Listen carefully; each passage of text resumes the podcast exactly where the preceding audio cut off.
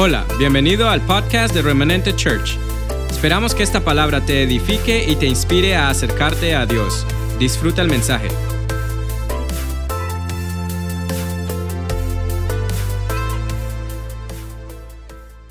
Muy buenos días. Muy buenos días. Un saludo para todas las personas que nos están viendo en sus casas. Por favor, conéctese, vaya rápido al baño porque no se puede mover de esta predicación. Ah, hace días escribí un seriado sobre ambientes. ¿Sobre qué? Ambientes, ¿verdad? Y terminé hablando sobre ambientes proféticos. Pero la primera parte de ese, de ese seriado tuvo que ver con ambientes relacionales. Eh, se ha calculado, no tengo los porcentajes ahora mismo, pero esta pandemia que inició con una cuarentena o un aislamiento preventivo social, dejó muchas cosas evidentes. Uno, que en casa casi no se hablaba. De repente las personas empezaron a sufrir de un estrés que tenía que ver con relacionarse con un extraño, porque usualmente están en casa, pero conectados a un sistema eh, celular inteligente, pero, pero no compartían. Por esa razón, en todos los países se vio lo mismo, personas divorciándose, porque no se toleraban. Porque usualmente cuando las personas están en un ambiente cerrado, eso les genera estrés. Si yo estoy en un ambiente cerrado, estamos en una cena, verá. Pero cuando yo estoy en un ambiente cerrado y Pasan los días y sigo allí, sigo allí, sigo allí, me empieza a generar estrés, me empieza a generar ansiedad. Ahora, mucho más cuando tengo que comunicarme con alguien, cuando tengo que platicar con alguien, vivir con alguien en un ambiente cerrado varios meses, pues no es tan fácil.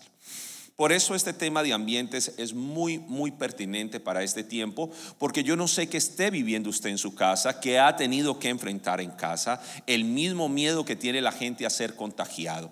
Muchos de mis pacientes que vienen a consultar no les ha dado COVID, pero les genera la sensación, o tienen la sensación de que les va a dar. O los que ya les dio y todavía temen porque vuelva a repetir. Pues bien, vamos a ir a la palabra del Señor en este momento para hablar acerca de ambientes. La pregunta, una, manera de iniciar esta predicación como título, ¿eres un termómetro o un termostato?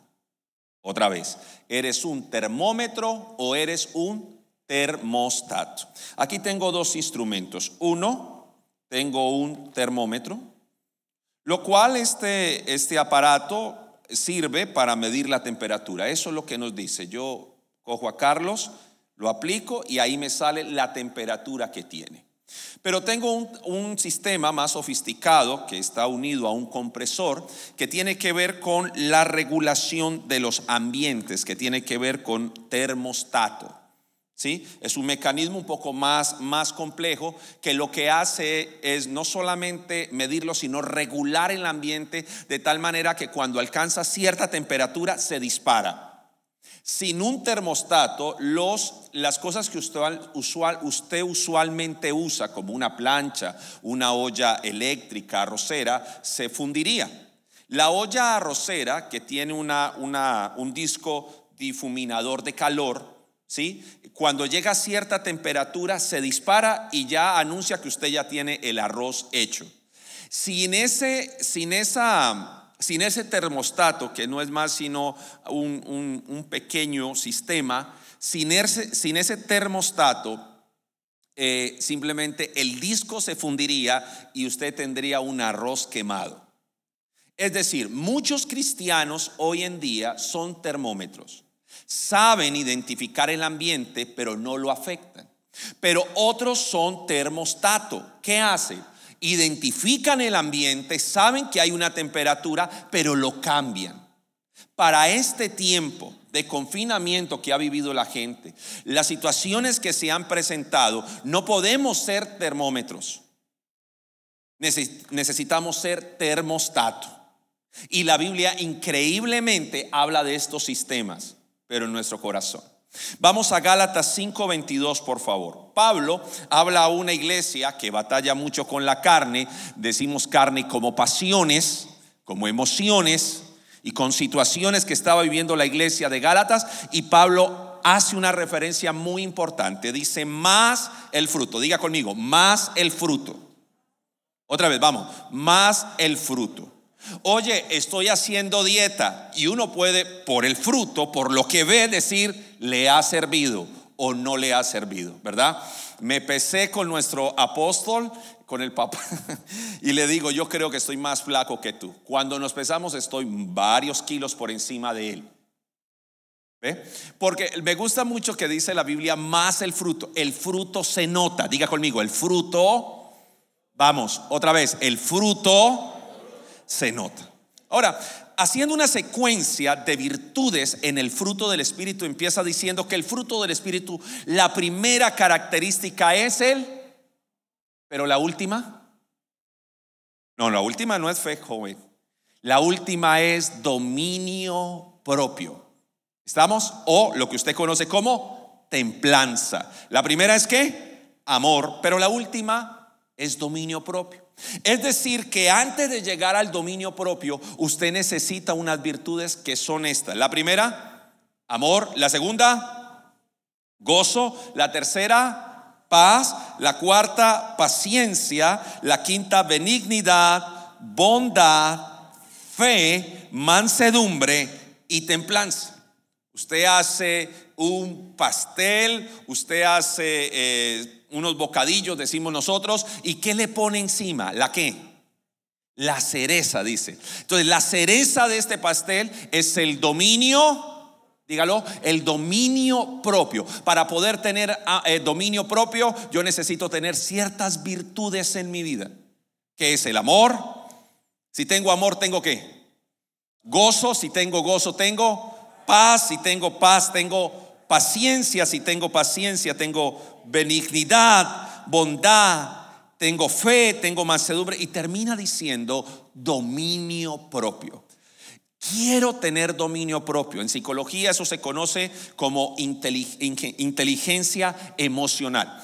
Porque una persona puede tener un, se llama Q, puede tener un coeficiente intelectual muy alto, pero inteligentemente emocional, bruto, animal, instintivo, irracional.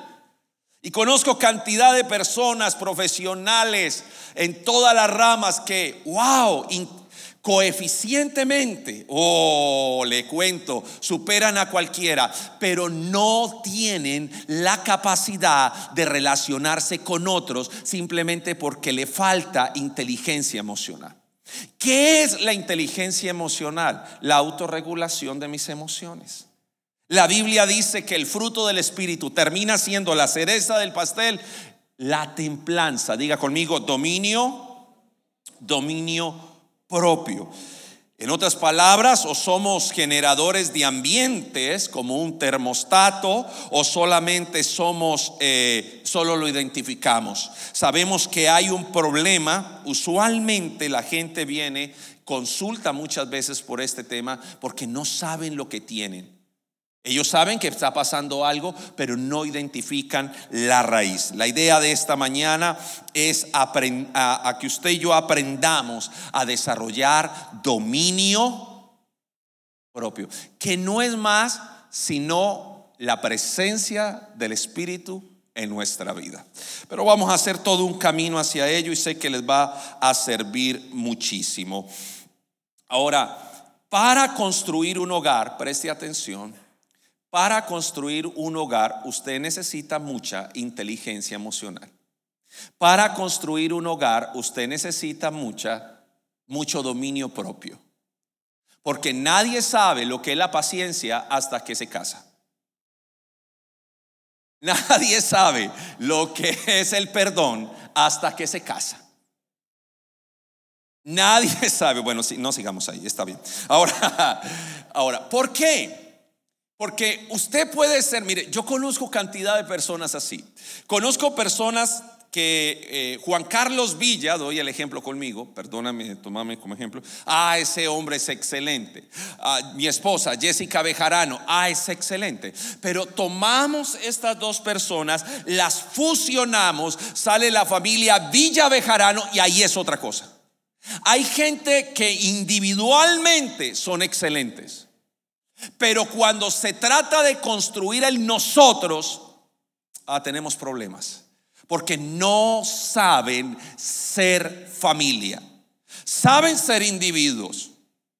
Por eso la gente se está quedando sola. Porque saben ser individuos, pero no saben ser familia. Cuando construyen una relación, la dañan de manera natural. Hay personas que hieren a otros de manera natural y no se dan cuenta porque no saben. Entonces, el tercero en una, en una, en una relación se llama el nosotros. En el caso mío se llama Villa Bejarano.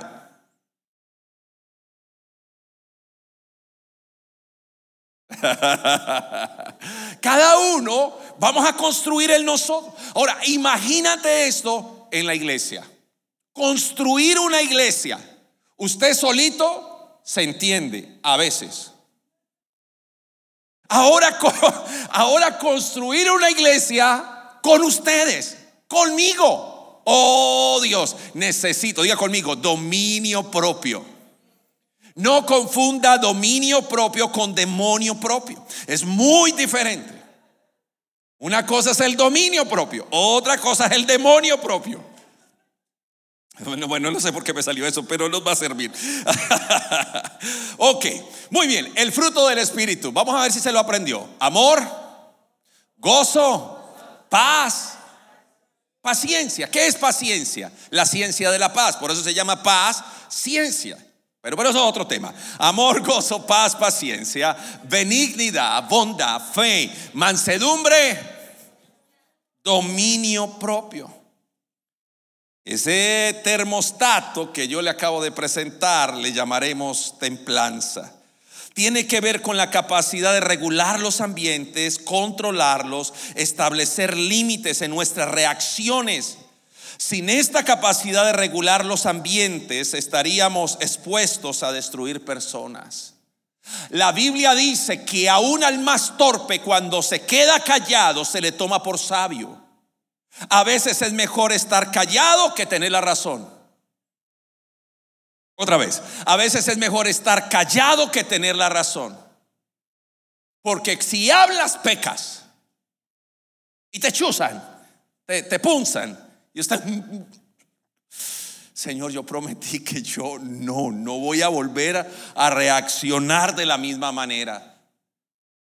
Porque solo cuando usted empieza a tomar dominio propio, es que se da cuenta de lo explosivo que es, de la explosiva que es, tan linda como se ríe.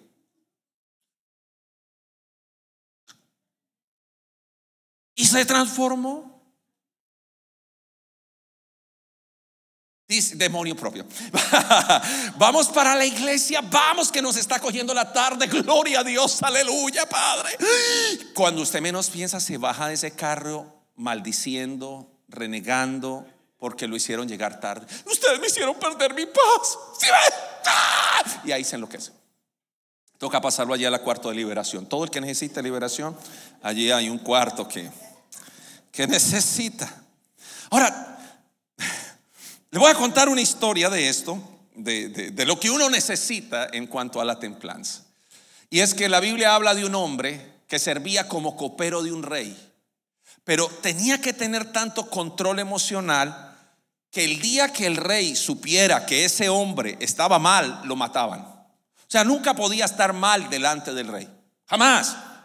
Siempre servía el vino de tal manera que el rey lo tomaba y, lo miraban. Siempre estaba, porque imagínate, podía envenenar al rey. Entonces la Biblia habla de un hombre que a mí particularmente me asombra, porque cuando el rey lo vio, dijo, tú tienes algo decláramelo ahora. Y dice él que temió por su vida y dijo, me van a matar.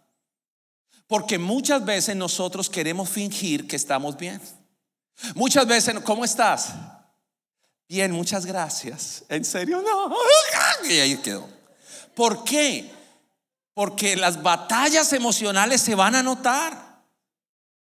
Se van a notar y hay cosas que no están bien y que necesitamos trabajar. Y el Espíritu Santo en medio de toda la predicación va a estar trayendo sanidad a sus áreas emocionales. ¿Lo va a ver? Vaya conmigo a Nehemías capítulo 2, versículo 1. Sucedió que en el mes de marzo, creo, en el año 20 del rey Artajerjes, que estando ya el vino delante de qué? Delante de él, tomé el vino y lo serví al rey. Estoy hablando de Nehemías capítulo capítulo 2, versículo 1. Y me dijo el rey, ah, perdón, y lo tomé y lo serví. Y como yo no había estado antes triste en su presencia, me dijo el rey, ¿por qué está triste tu rostro? Pues no estás enfermo. No es esto sino quebranto de corazón. Ay Jesús, ¿qué dice la palabra? Entonces temí en gran manera, dice, dice esta, esta versión. Temí en gran manera. ¿Por qué? porque delante de él él necesitaba tener control emocional, necesitaba estar bien. De tal manera que si notaban algo, es que imagínate Carlos, tú eres el rey, Carlos Leighton. Yo te voy a servir el vino. Usted sabe el peligro que hay de que te puedan envenenar, pero cuando miran mi rostro, te das cuenta que algo me está pasando. Lo primero que hace es no tomarse el vino, pero lo próximo que hace es que le corta la cabeza. Y dice la Biblia que este hombre temió en gran manera. Entonces dice el versículo 3, entonces dije, para siempre viva el rey. ¿Cómo no de estar triste mi rostro cuando la ciudad, la casa de los sepulcros de mi padre están desiertas y sus puertas consumidas por el fuego? Entonces me dijo el rey, ¿qué cosa pides? Entonces oré al Dios de los cielos y dije, si le place al rey que tu siervo, si he hallado gracia delante de ti, envíame a Judá, a las ciudades de los sepulcros de mis padres y la reedificaré. ¿Qué lo expuso a él? Sus emociones, porque no puedes fingirlo. Y para poder tener una iglesia saludable, necesitamos una iglesia emocionalmente saludable. Pero el problema de la iglesia de hoy es que las emociones juegan una mala pasada y confunden muchas veces la voz de Dios con las emociones. No es que si siento, es que siento una paz. Cuando Jesús iba a hacer la voluntad de Dios, lo menos que sintió fue paz. Porque dijo, Padre, si es posible, pasa de mí esta copa, pero no se haga mi voluntad, sino la tuya. Y era su sudor como grandes gotas de sangre. ¿Qué quiere decir? Que muchas veces hacer la voluntad de Dios va a superar tu capacidad emocional. Máxime cuando Dios te pide perdonar a alguien que repetidamente te está ofendiendo o te está dañando. Entonces, ahora el problema es, vuelvo a esta palabra, es que las personas muchas veces toman decisiones basados en sus emociones, no basados en sus principios, y luego dicen que Dios dijo hubo un enfrentamiento, en estos días voy a estar compartiendo sobre escuchar la voz de Dios, porque hubo dos profetas en Israel, uno se llamaba Ananías y el otro se llamaba Jeremías. Y los dos dijeron que era Dios el que estaba hablando. Y cada vez que una persona viene a tomar una decisión errada, movido por sus emociones, mete a Dios de por medio y dice, es que Dios me habló, es que Dios me dijo. Lo extraño es que la persona dice, Dios me habló, Dios me dijo, y uno, uno que es hombre de Dios sabe discernir estas cosas y sabe que Dios no está hablando ahí. ¿Qué le está hablando? Sus emociones. Porque no tienen un filtro, no tienen un termostato que lo regule. Tienen es un termómetro que les mide la temperatura. Como dice la canción cristiana, sube, sube la temperatura. Bueno, no sé si es cristiana, pero esa nos va a servir. Ahora, ¿Cuál es el tema de esto? Que quiero que, que sea de esas personas que suman, que no restan. Que no solamente sea como un termómetro que me dice si algo está mal, sino que realmente puedas corregirlo. Dios no te ha puesto en esta iglesia para medirle la temperatura a otros. Una vez vine aquí a casa y me invitó un hermano a almorzar y, ese día, no sé, para él estaba muy ungido ese día, porque luego otro día me invitó y me dijo, hoy no estás tan ungido. Señor, reprende al diablo. Ahora, ¿cuál, cuál es el tema? El tema es que muchas veces estamos siendo qué? Termómetro.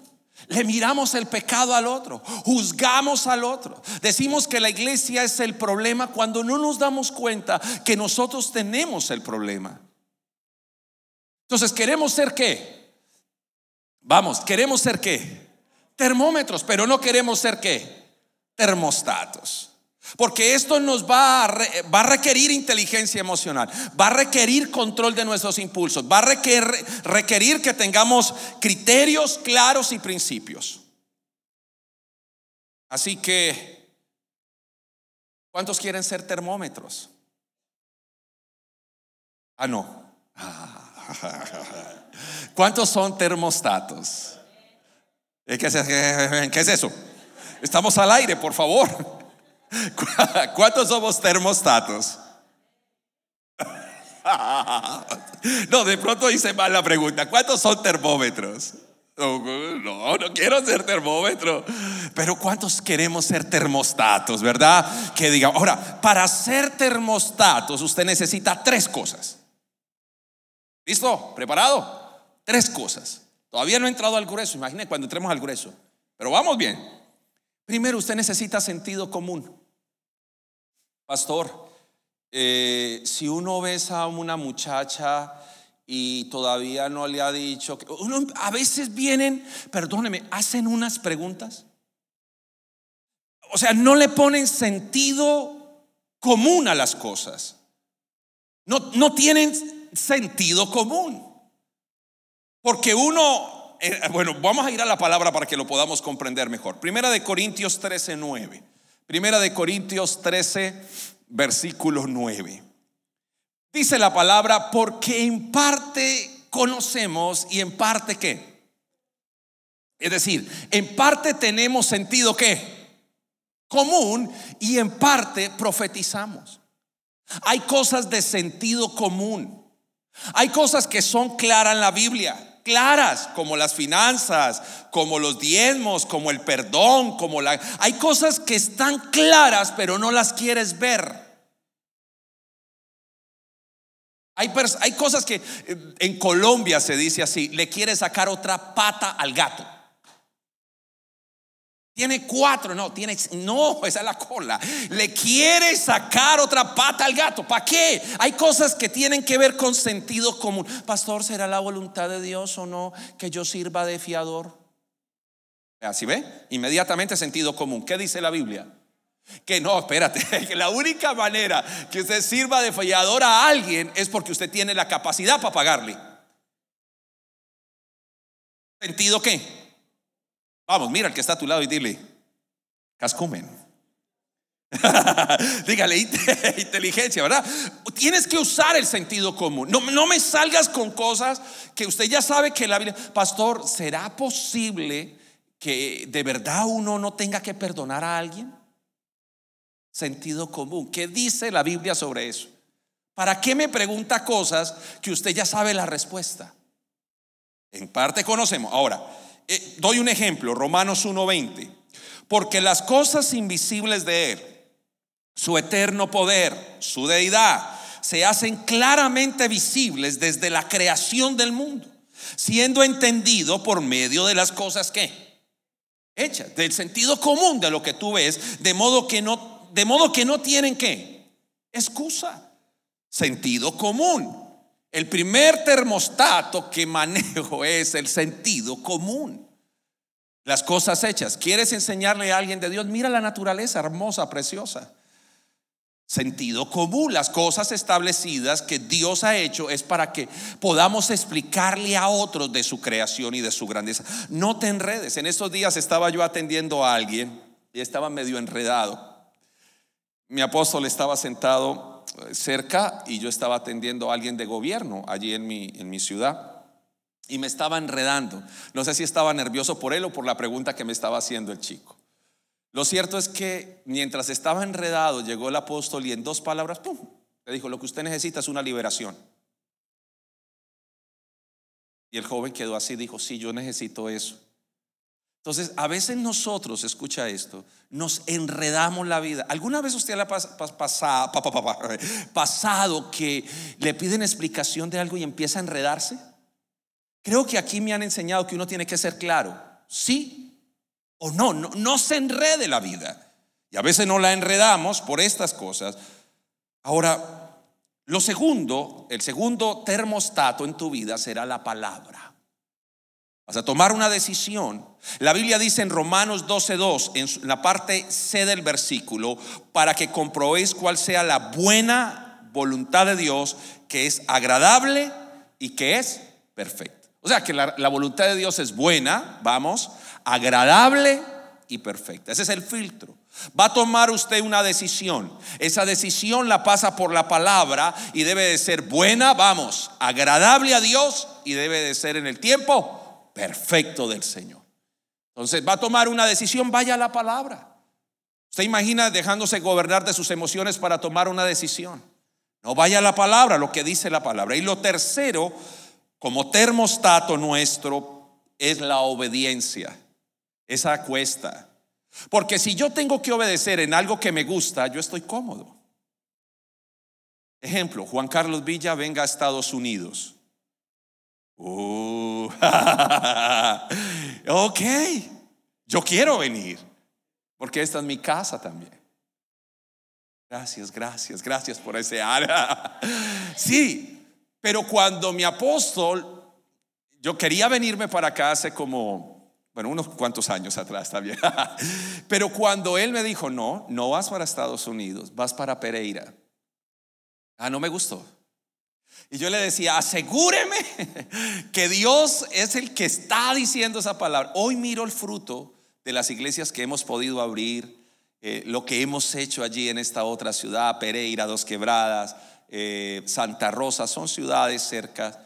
Y lo que se ha hecho, y yo digo, wow, pero a veces, a veces obedecer te va a costar porque uno no quiere eh, zafarse de algo hasta no tener seguro lo otro, pero a veces Dios te va a hacer comenzar de la nada. A veces Dios te va a decir, vuelve a comenzar.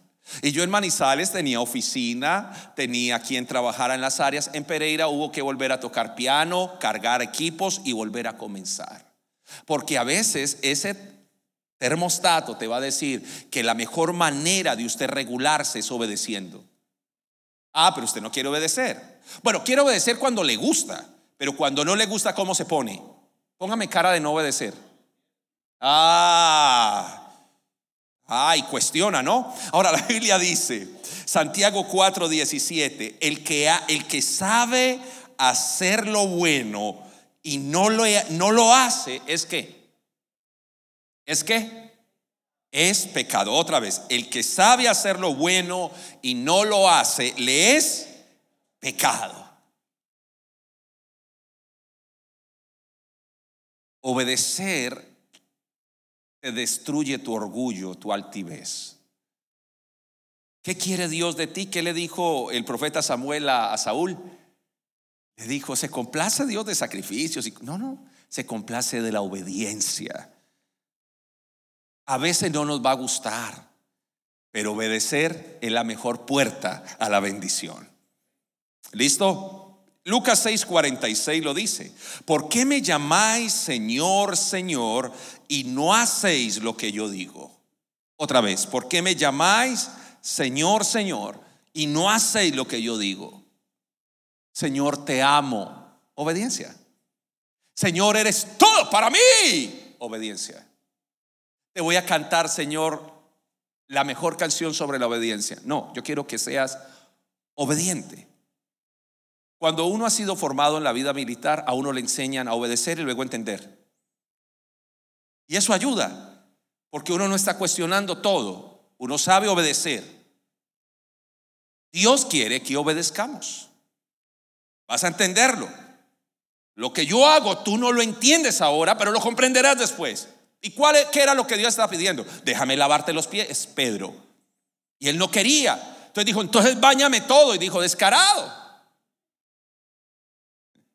¿Qué quería? Obediencia. ¿Qué quiere Dios de ti? Vamos, ¿qué quiere? Obediencia. Otra vez, vamos, ¿qué quiere? Obediencia. ¿Qué te cuesta? La verdad. Bueno, eso es en Colombia que cuesta la obediencia. Aquí,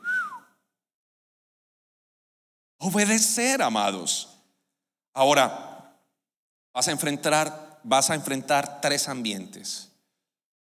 Vas a enfrentar tres ambientes donde vas a requerir ser un termostato. El primero es el ambiente de conflictos.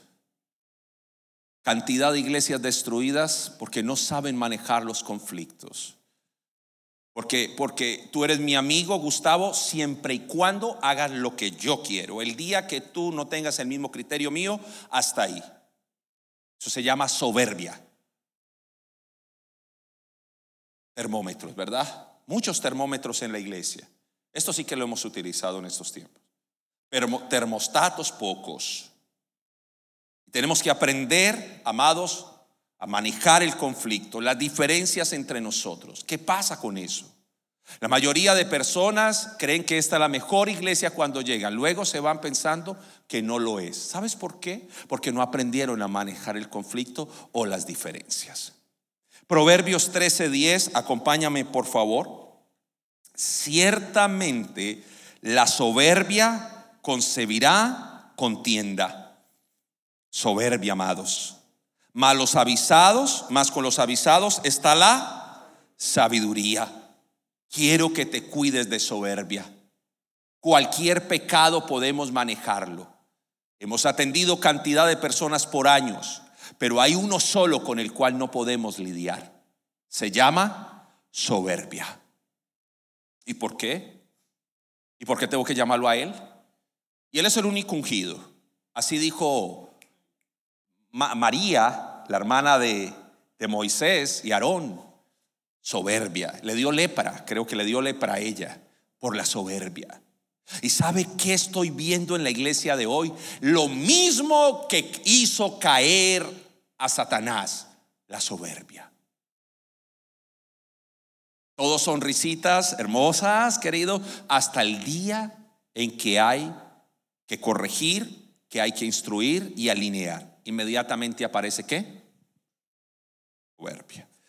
Proverbios 15, 18 nos habla de esto. Entonces aparecemos la, aparecen los termómetros identificando los problemas pero no las soluciones. Proverbios 15, 18 dice, el hombre iracundo promueve contiendas, mas el que tardan a irarse apacigua la rencilla. Amados, yo no sé si solamente esto es en Colombia o eso también está pasando aquí o Dios se equivocó de predicación.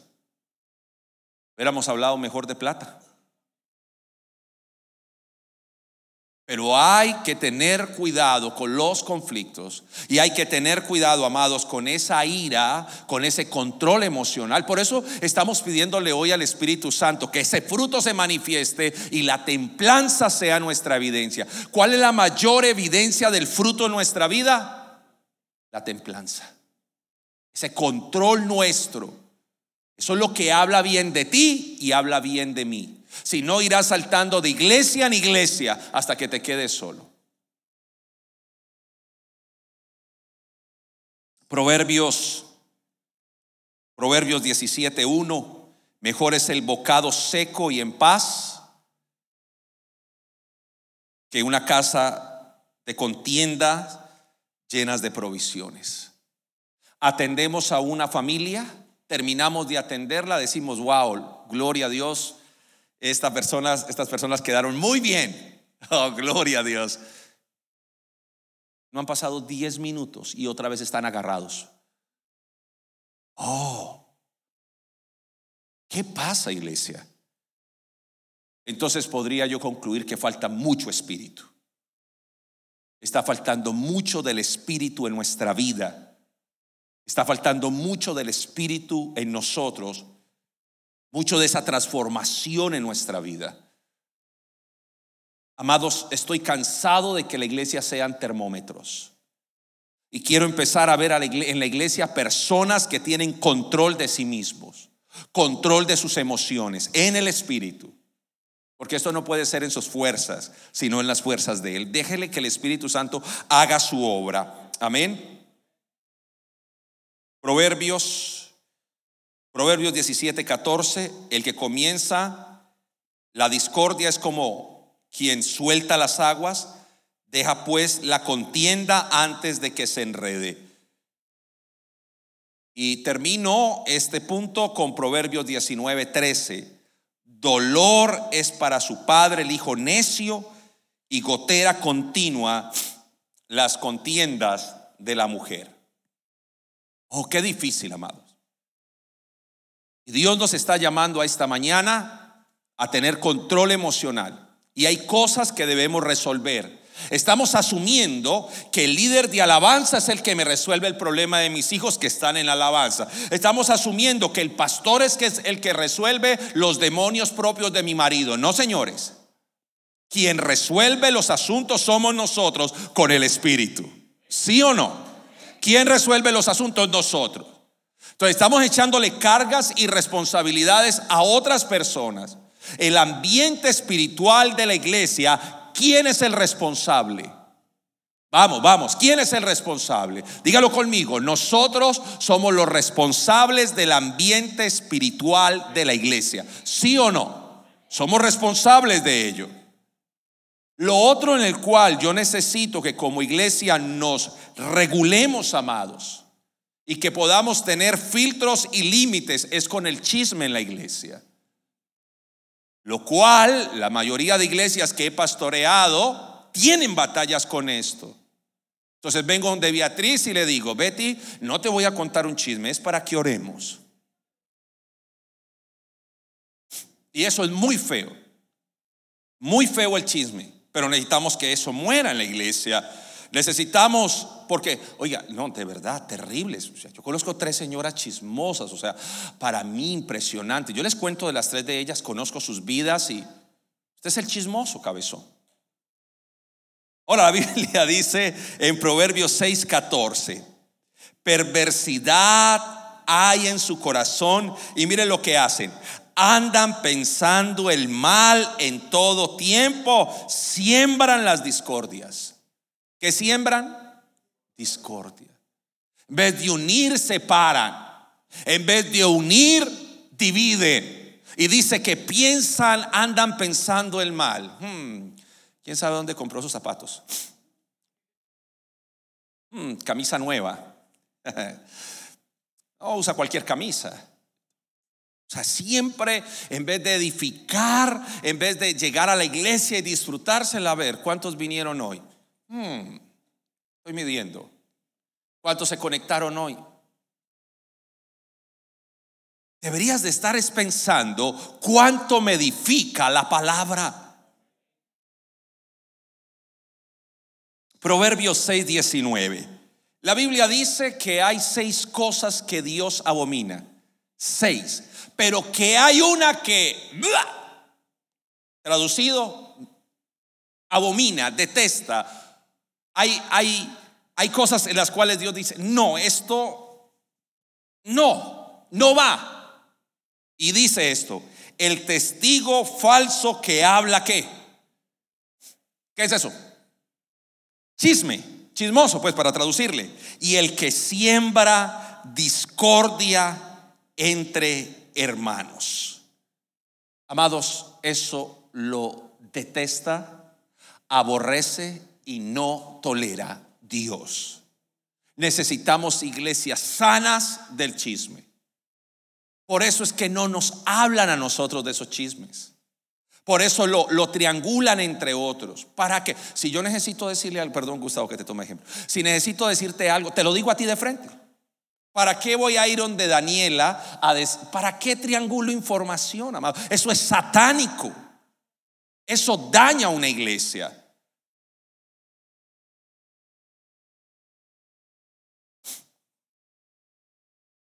Jeremías 15, 19 dice la Biblia, 15, 10, perdón, ay de mí, madre mía, que me engendraste como hombre de contienda y hombre de discordia para toda la tierra. Qué triste eso. ¿Qué le estamos enseñando a nuestros hijos? Que yo, yo sé que, que, que, Jeremías está haciendo una crítica de él, propiamente de él, pero, pero lo que quiero resaltar y a donde quiero llegar es que es triste que nuestros hijos estén pareciendo a nosotros en chisme, en contiendas, en pleitos. ¿No se ha preguntado por qué su hijo es así? No, no te has preguntado, los que estamos ahí en casa, nos están viendo, ¿por qué somos así? Lo tercero para terminar en esta mañana tiene que ver con los ambientes de deshonra. Es increíble, hijo. ¿Se perdió? La Biblia dice, el, el, hijo honra al padre y el padre al hijo. ¿Dónde está mi honra? Dice Dios. Se perdió la honra. Un día eres, hoy pastor Juan Carlos, tan lindo, tan hermoso, tan bello. Y otro día, señor Juan Carlos, ¿cómo está? No, de verdad. A alguien al cual le serviste, le amaste, lloraste, peleaste, le sacaste los chuki, hiciste de todo. De verdad. Y un día te ven venir por la por la 66. Y se va por la Wallington. Bueno, no sé si esa calle existe, pero lo que digo es, amados, ¿qué, ¿qué pasa con esto, iglesia? Yo, yo, no pretendo que endiosemos a los hombres de Dios, pero pido, pido respeto. Pido, pido honra, no para mí, désela a Él. ¿Me hago entender? El respeto, la honra. Oye, Siempre será el pastor Juan, el pastor Wilmer, el apóstol, no sé, pero, pero quisiera que esas personitas que algún día se fueron de nuestro lado, nos sigan viendo, al final nos van a ver en el cielo. ¿Qué van a hacer? Ay, ahí entró. Aleluya. No, no, amados. Y me, si es que llega, ¿no? Imaginen, sí, imaginen el cielo, el hermano termómetro. Sigan, siguiente. No, amados, en el cielo no hay termómetros. Deshonra, hijos, eso me duele demasiado. Cuando viene, Proverbios 11, 11, 2 dice, cuando viene la soberbia, viene también la deshonra. Yo inicié, si ustedes se dieron cuenta, cuando citamos, cuando empezamos a hablar de la ira, dice la Biblia que el soberbio promueve contiendas. Y mira que aquí dice, cuando viene la qué? también viene la deshonra, mas con los humildes está la sabiduría. Dice, y escribí para esta predicación, te, te identificarás con esta casa hasta que la soberbia toque tu corazón. El día que la soberbia toque tu corazón, empezará a ver esta casa de manera diferente. El día que toca la soberbia al corazón, deja de ver al esposo como lo veía. El día que, que la soberbia toca el corazón, deja de ver al pastor como lo veía, a los hermanos, porque ya Satanás envenenó ese corazón. Y lo próximo que está es, va de salida, va de salida, amados. Y eso es triste, porque, porque uno quisiera ver la iglesia crecer, desarrollar todo su potencial y no verla como hemos visto acabarse en iglesias o a veces hogares por la soberbia, la deshonra, amados. Cualquier pecado está al alcance de ser corregido, lo dije al inicio, pero la soberbia es el peor mal que puedes manifestar. No seas soberbio, no seas soberbio. No digas Dios me dijo, Dios no dijo. o sea, el mismo Dios que te trae, o sea, el mismo Dios que me trae me saca. O sea, ese es el Dios a quien sirvo entonces. Si yo me muevo hacia un lugar, me muevo con propósito o no me muevo. Porque la bendición de Dios siempre tendrá que ver con lugares. Ojo, la bendición de Dios, mírenlo en la Biblia. La bendición de Dios tiene que ver con lugares donde Dios te establece. Tú no puedes estar saltando como ranita, hermano. Tú tienes que estar muy bien ubicado donde Dios te ha puesto.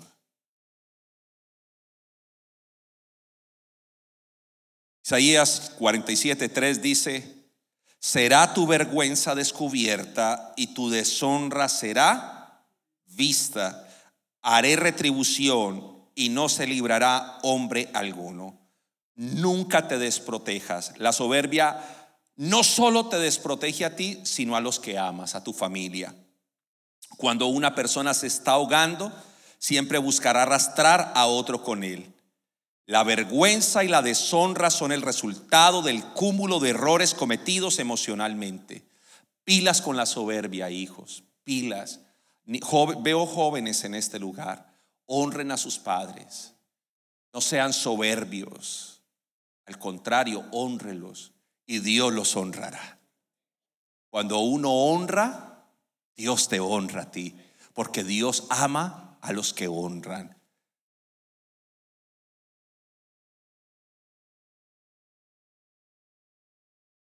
Escribí para esta predicación. Toda emoción negativa que no filtras, termostato, se volverá en una intención destructiva. De repente pasa algo con, nos ha pasado. A veces yo hago cosas que, a nuestro apóstol le molestan, pero siempre él lo protege a uno de destruirse. Pero que cuando es él que nos incomoda algo, me incomoda algo. Él siempre me ha dicho, ven, ¿por qué me creas ambientes? Qué maluco es que Carlitos hoy me salude bien. ¿Qué, Carlitos? ¿Qué más? Y otro día le vaya yo a extender la mano y ya no me salude. Y yo no sé por qué. ¿No es eso horrible? Oh, la típica en la iglesia. Yo no sé si aquí la hacen allá. Pastor, necesitamos hablar mañana. No, no, no, no, no, no, no, no. A mí no, esa no me la hace. Yo quiero dormir tranquilo. Tú me vas a hablar de algo, me hablo ya de ese tema. Hablemoslo ya de una vez. Ah, es que le iba a contar que me compré. Ah, y uno pensando, este man se va a morir, tiene, no cualquier cosa. Entonces, no deje que mi mente vuele, porque mi mente va a volar. Si te pasa algo, dime, mira, me pasa algo, no puedo hablar ahora, pero, pero ora por mí. O sea, no me dejes así. Lo que quiero decirle es, muchas personas les gusta generar ambientes. Y son todos como, no, que, hey, deja, la, la, cosa y háblame. Pastor, venga, venga, venga. ¿Qué pasó? Venga, venga. ¿Cómo está? No, no molestes, pues salúdame abiertamente. Ay, amados. Abacudos 16. ¿Te has llenado de deshonra? más que de honra. Oh, no, no, no, eso está mal.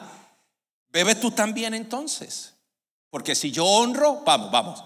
Yo honro, me honre. Si yo deshonro, ¿qué, es deshonrar? Quitarle la honra a alguien. Y eso es fácil. Oiga, ese hombre, como ese hombre, eh, eh, esa parejita, como se ven de lindos, hmm, ¿cómo serán en la casa?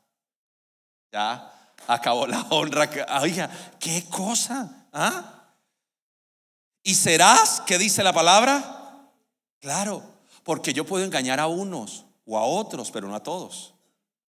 ¿Me hago entender? Yo puedo decir, ah, no, es que el, problema, es, eh, el problema es, y la gente empieza a notar que usted tiene un problema. Sí, sí, eso es como el mal aliento. El único que, que no sabe que usted tiene, que tiene mal aliento es usted, pero todo el mundo, gracias a Dios por los tapabocas. Ahora, ¿cuál es? Dice, y será el cáliz de la mano derecha del Eterno vendrá hasta ti y vómito de afrentas sobre tu gloria. ¿Cómo se dice así? Take it easy, no sé lo que se diga. Ayúdalo, Señor.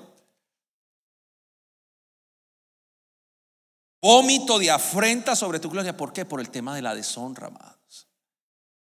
¿De qué estás llenando? Dice la Biblia, está, estás llenado de deshonra. ¿De qué estás llenando tu corazón? Abre tu corazón esta mañana. Manifiesta lo que allí hay. No dejes que tus emociones destructivas arrastren con lo que amas. La ira es una emoción destructiva. Arranca de raíz toda deshonra. Todo aquello que se ha vuelto tu propio vómito. Concluyamos, cerremos la predicación. El manejo de, ambientes, de, de ser termostatos. Santiago 3:13, por favor. Cuando hablemos de esta semana, en esos días de ambientes proféticos, entenderán mucho de por qué esto es importante. Mira, nosotros le prestamos mucha atención a la gente que manifiesta dones, pero le, le, restamos importancia al carácter. Entonces creemos que unción es carácter y no es así. A veces si alguien viene o si yo todo el tiempo estoy hablando en lenguas o levanto muertos, verás, pero pero pero eso eso no es lo más relevante. Cuando los discípulos vinieron a Jesús, le dijeron, Señor, los demonios se nos sujetan, echamos fuera demonios. Dijo, yo vi caer a Satanás del cielo. Eso no los impresione. Qué pena, ¿cierto? sí, eh, yo vi caer a Satanás del cielo. Eh, más bien gócese que sus nombres están escritos en el libro de la vida. Está hablando de carácter. La Biblia dice en manejo de ambientes. Vamos pues, vamos a cerrar la prédica. Santiago 3:13, por favor. Santiago 3:13. ¿Listo? ¿Cuántos termómetros hay aquí? ¿Cuántos? Diga uno, este nomás, sí, haga así, el suyo. ¿Cuántos termostatos? ¿Verdad? Amén, ¿verdad? Bueno, preparados. Muy bien. Santiago 3:13. ¿Quién es sabio? ¿Ah? Y entendido. ¿Sentido qué? Eso, muy bien. ¿Quién es sabio y qué? ¿Entre quién? Ah, bueno. Muestre por la buena que sus obras en sabia qué ¿Qué está hablando? ¿Dominio qué? Propio, ¿cierto? Entonces dice, pero si tenéis, de tener, si tenéis celos amargos, ¿cuáles celos? ¿Cuáles celos? Yo no tengo celos. Pero a mí pues me parece sí que al que subieron a cantar, pues usted sabe hace cuánto tiempo yo estoy esperando cantar. Y nada. Pues a mí sí me, pues yo, yo no sé, o sea, yo, yo creo que yo terminé todo compendio. ah, celos amargos. Los celos son amargos. Los celos crean realidades que no existen. Y eso pasa en las iglesias. Nos incomoda cuando Dios usa a otra persona más que a nosotros. Si abrazan más eh, ahora, escuche eso que lo he visto. Eh, es que usted es mi amiguis, ¿por qué está hablando con ella? Oh, man. Oh, man se dice bien, ¿cierto? Oh, man. ¿Ah? Oh, no, no, no. Si tenéis y contención en dónde? En tu corazón, peleas allá adentro, internamente.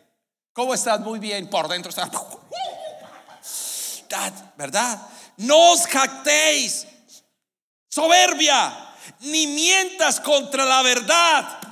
Porque lo que tiene, son celos amargos. Porque esta sabiduría no es la que desciende de lo alto. Aleluya, gloria a Dios. Santo. Uh, no, eso no es así. Porque estás operando en lo terrenal, en lo animal y en lo diabólico. Wow. Demonio propio. Lo que tiene es un demonio propio. Porque donde hay celos y donde hay contención, allí hay termómetro, hay perturbación y toda obra perversa. Porque maquinas, Caín, espíritu de Caín que opera en las iglesias. Caín, ¿Dónde está tu hermano? ¿Acaso soy guachimán de mi hermano? Bueno, no sé si guachimán lo entienden. ¿Acaso soy celador de mi hermano? ¿Acaso soy guarda de seguridad de mi hermano? Espíritu de Caín. Espíritu de Caín no le importa al hermano. No le importa. Reprendemos todo espíritu de Caín en el nombre de Jesús. Pero la sabiduría que es de lo alto, mire, lo primeramente es que pura. Si estamos. Después, ¿cómo? Y pacificadores. Ellos verán a Dios, dice la Biblia. ¿Qué más? Dígalo. Amable. ¿Qué más? ¿Llena de qué? ¿Y de buenos qué? Sin incertidumbre ni. Wow. Diga, termostato. Porque para poder operar en todo lo que tenemos que hacer, necesitamos sabiduría. ¿En qué sabiduría estás operando? Hay dos clases de sabiduría, no conozco más. La primera es diabólica y la segunda es espiritual. ¿En qué sabiduría operas en tu casa? Para los que están allí en casita, ¿en qué sabiduría estás operando tú? De eso se trata el termómetro o el termostato. Diga conmigo, no crearé ambientes Vamos, vamos, dígalo conmigo, no crearé ambientes diabólicos, no. Ni se los voy a provocar a nadie. Voy a hablar en verdad, puro, pacífico, amable, benigno, lleno de misericordia, de buenos frutos, sin incertidumbre, sin hipocresía, no más. Para poder moverme en lo profético, hijo, yo necesito poner este piso. Porque sin este piso nos fundimos. Si me hago entender? ¿Me hago comprender? Yo necesito poner un piso y es que usted tenga dominio propio. Si no lo tiene, más adelante será un problema. Hablaremos de ambientes proféticos esta semana, pero para hablar de ambientes proféticos necesitaba hablar de ambiente relacional, de esto, amados. Terminemos, por favor. Santiago 3:13. El fruto de justicia se siembra, pero en paz para aquellos que hacen la paz. Diga conmigo, seré un agente de templanza. Amén.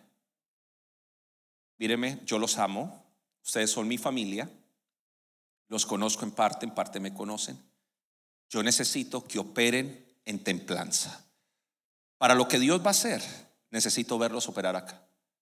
Si no, los voy a ver como perro persiguiendo cola.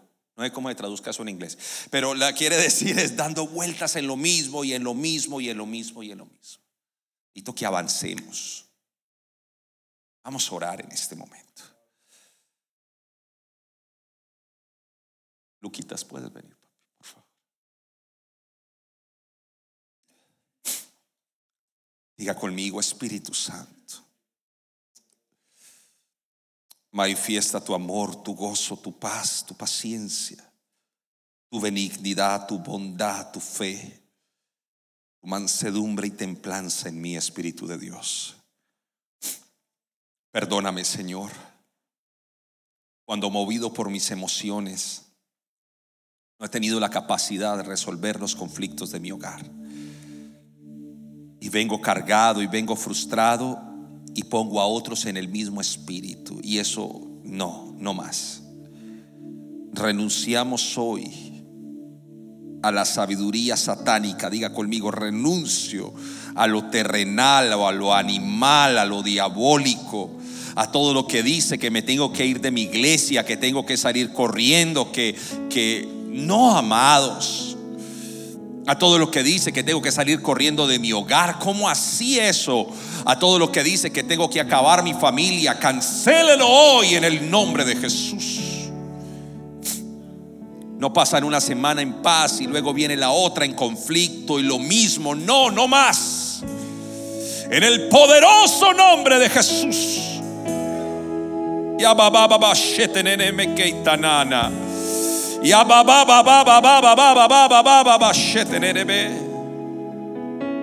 Oh Espíritu Santo, te anhelo Señor, te necesito. Te necesito, mi amado, te necesito.